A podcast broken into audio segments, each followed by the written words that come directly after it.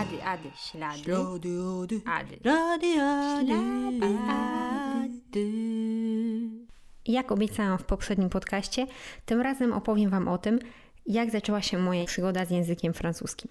Więc to nie był tak naprawdę mój e, wolny wybór, że pewnego dnia postanowiłam sobie, a może jednak pouczyłabym się francuskiego albo jakiegoś innego języka. Tylko przygoda zaczęła się trochę takim przymusem, powiedziałabym. Ale nie żałuję tego oczywiście, bo dla mnie w ogóle w życiu często spadają na mnie takie zdarzenia, które przygniatają mnie i wtedy zdaję sobie sprawę, że albo wyjdę z tego przygniecenia, albo zostaję przygniecona, no i wtedy postanawiam walczyć po prostu. I tym razem też postanowiłam walczyć. Więc historia zaczyna się wraz z moim pierwszym rokiem w, liceum. Ówcześnie uczyłam się angielskiego dość intensywnie i to był mój główny cel, ponieważ chciałam wyjechać na studia do Norwegii wtedy jeszcze. Więc chciałam studiować na programie międzynarodowym i po angielsku. Taki był mój cel. Pierwsza klasa liceum. No i w liceum obowiązkowy jest oczywiście drugi język, więc ja wybrałam francuski, bo moja siostra uczyła się francuskiego. Jej przygoda ze francuskim e, nie potoczyła się zbyt dobrze, bo prawie e, w pewnym momencie tam nie zdała z klasy do klasy, bo miała bardzo, e, jak to ona ujmowała, upierdliwą nauczycielkę. No ale pomyślałam sobie, czego ona by tam się nie nauczyła, zawsze mi coś przy tych domówkach pomoże. Więc wybrałam francuski. W pierwszym roku liceum sprawa była dziecinnie prosta. Nie, nie brał nikt francuskiego na poważnie, bo to był nasz drugi język, więc mieliśmy dwie godziny francuskiego chyba, z tego co pamiętam w tygodniu. I chodziliśmy na te zajęcia, ale to była taka, taka zabawa w sumie. Jedna tam osoba robiła ćwiczenia, e, cała reszta ściągała oni od niej i tak zajęć na zajęcia, z zajęć na zajęcia i nie było ani żadnych dyktant ze słówek, ani e, z akcentów po francusku, nic takiego poważnego. Takie bez zobowiązań taka nauka. No i wszyscy oczywiście średnia klasy tam pod koniec roku, tam 4, 5, nie wiem. Ja miałam akurat chyba piątkę. No i po wakacjach wracamy sobie i się okazało, że nasza nauczycielka poszła na urlop macierzyński. I odkrywamy wtedy, kto jest naszą nową nauczycielką. Starsza kobieta, dość taka stanowcza, tak z wyglądu, z wizerunku, tak bym powiedziała. Patrzę na nazwisko i rozmawiam z moją siostrą o tym. I okazało się, że to jest ta sama nauczycielka, w cudzysłowie upierdliwa, która prawie ją usadziła przez, przez francuskim liceum. I ona mówi, o matko, ale trafiłaś. Ja mówię, dobra, tam drugi język, nie będzie żadnego ciśnienia. No i cały semestr tak żeśmy się uczyli, jak uczyliśmy się w pierwszej klasie, nie? Bez zobowiązań. No i pod koniec semestru okazuje się, że przy wystawieniu ocen mamy bardzo niską średnią klasy. A ja mam dwa chyba. Miałam zagrożenie w ogóle. Więc oburzona wręcz tym całym yy, zajściem, poszłam porozmawiać z nauczycielką i mówię, no proszę pani, ja nie rozumiem, jak to się stało, że ja, y, czwórkowy uczeń, mam zagrożenie. I ona mówi, Ada, jeżeli nie poprawisz swoich e, jakby osiągnięć, to ci usadzę z francuskiego. Nie zdasz następnej klasy. Pod koniec roku. No więc mogę tak wam powiedzieć, że to było takie zderzenie z nauczycielem z pasją. Bo jakby pani Basia, pozdrawiam serdecznie, miała w swoim sercu jeden cel: nauczyć nas komunikować się po francusku. A my w liceum nie mieliśmy na to czasu. Mieliśmy rozszerzenia, mieliśmy drugi język, mieliśmy inne tam zajęcia, nie wiadomo, imprezy, urodziny, osiemnastki i tak dalej. Także to było trochę trudne dla nas, żeby zrozumieć, że ona chce dla nas dobrze. Bo dzisiaj to rozumiem, że chciała dla nas dobrze. No ale wtedy nie. Wtedy była wojna. Przy odpytywaniu pamiętam, że jedyne co słyszeliśmy to tylko wskazówkę sekund zegara, który wisiał na ścianie w klasie i oddech kolegi z ławki albo koleżanki. Takie ciśnienie, takie było ciśnienie, że ja do dzisiaj to pamiętam. I powiem Wam, że niewiele rzeczy tak mnie zestresowało, jak to odpytywanie właśnie wtedy, bo oczywiście było tam 3-4 osoby, które miały zagrożenie z naszej grupy też, 15-osobowej chyba, wtedy. I no bo po prostu serce nam stawało, jak ona patrzyła na listę osób w ogóle, żeby znaleźć kogoś, jakby kolejną swoją ofiarę, tak? No dzisiaj tak nie myślę, tak? Ale wtedy tak Tak to wyglądało. Więc pani Basia była i jest nauczycielem z pasją. I właśnie jak rozmawiałam z nią i ona powiedziała, że będę miała zagrożenie pod koniec roku, pomyślałam sobie, ja nie mogę mieć zagrożenia pod koniec roku. Co to w ogóle znaczy? Że mogę nie zdać do następnej klasy przez drugi język. No i właśnie to była ta sytuacja, w która po prostu mnie przygniotła. No i tak jak to w życiu moim już bywa, że przychodzą takie sytuacje do mnie czasami, one mnie przygniatają i ja po prostu tak agresywnie bardzo na to reaguję i mówię sobie, no niemożliwe, że mi się to dzieje. Niemożliwe, że to mi się dzieje. I postanawiam wtedy walczyć. No i tak samo było z językiem francuskim. Więc to nie było tylko takie spontaniczne zaczynanie nauki słówek czy coś. Tak jak to możemy usłyszeć, nie wiem czy, czy w waszym domu też tak się mówiło, ale moja mama zawsze mówiła Ada, gdybyś chociaż uczyła się trzech słówek dziennie, zobacz ile słówek w ciągu roku byś się nauczyła. No tak, mamo, ale do tego trzeba mieć motywację. No ja tej motywacji nigdy nie miałam i regularność i dyscyplina w ogóle w mojej głowie są tylko boostowane przez motywację. No a na tamten czas do francuskiego no nie miałam w ogóle motywacji, w ogóle. Więc dzięki pani Basi właśnie ta motywacja przyszła, bo pomyślałam sobie, ja się do tej grupy nie piszę. Więc zaczęłam się uczyć, zaczęłam chodzić na korepetycje, regularnie chodziłam na korepetycje w ciągu tygodnia dwa, trzy razy na początku. No i pod koniec roku faktycznie moje oceny bardzo się poprawiły. I chyba miałam tam cztery albo pięć, już nie pamiętam. Pani Basia była naprawdę pod wrażeniem. No a ja pod koniec roku, jak już sobie pomyślałam, że mogę dostać cztery albo pięć z francuskiego z panią Basią, to może mogę się nauczyć na więcej i zdać przynajmniej podstawę z matury francuskiej. Więc przez wakacje kontynuowałam moje korepetycje.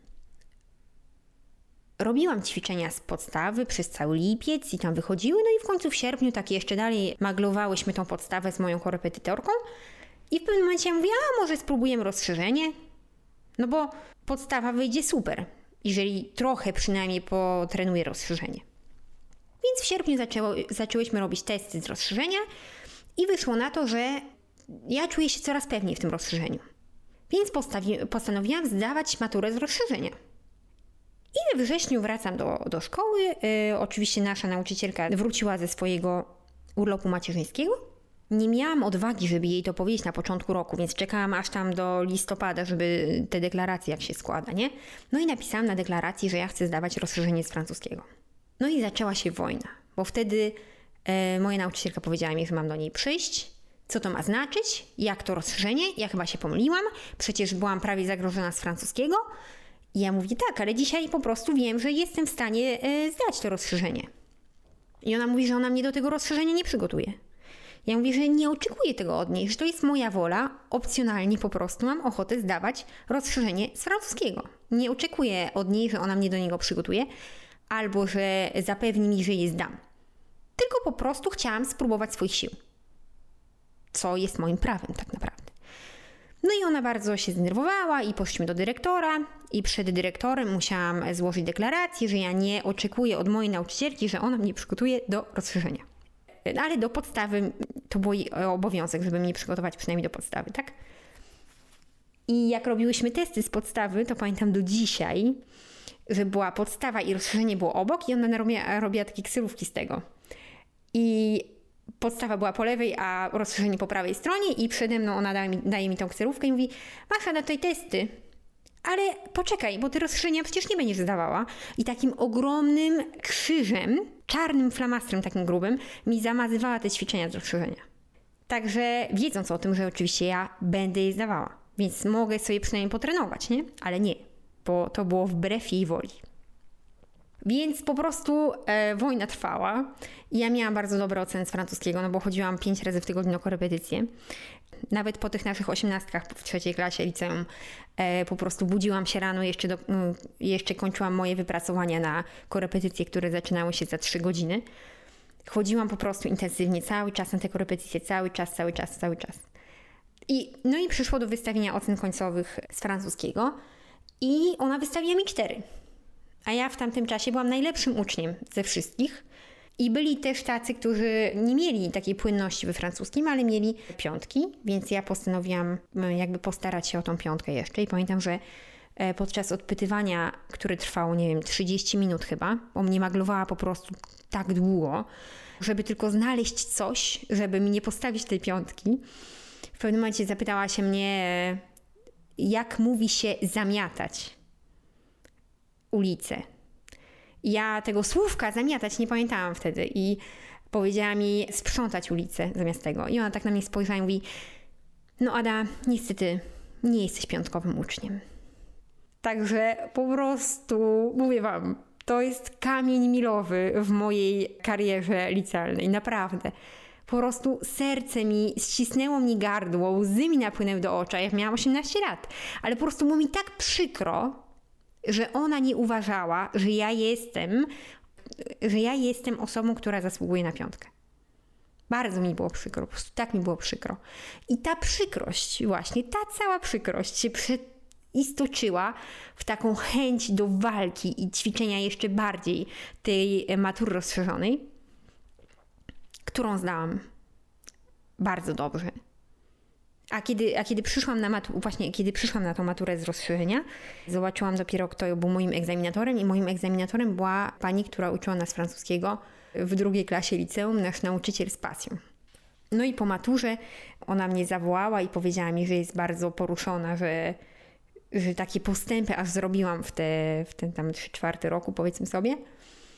I, I że bardzo się cieszy, że po prostu jakby zaczęłam się angażować w naukę francuskiego. Także opowiadam Wam to dzisiaj, tą historię mojej nauki francuskiego, która nie zakończyła się oczywiście po liceum, no bo skończyłam, e, skończyłam liceum, później pojechałam na ten program FIOPER, zdałam egzamin z francuskiego i studiowałam po francusku.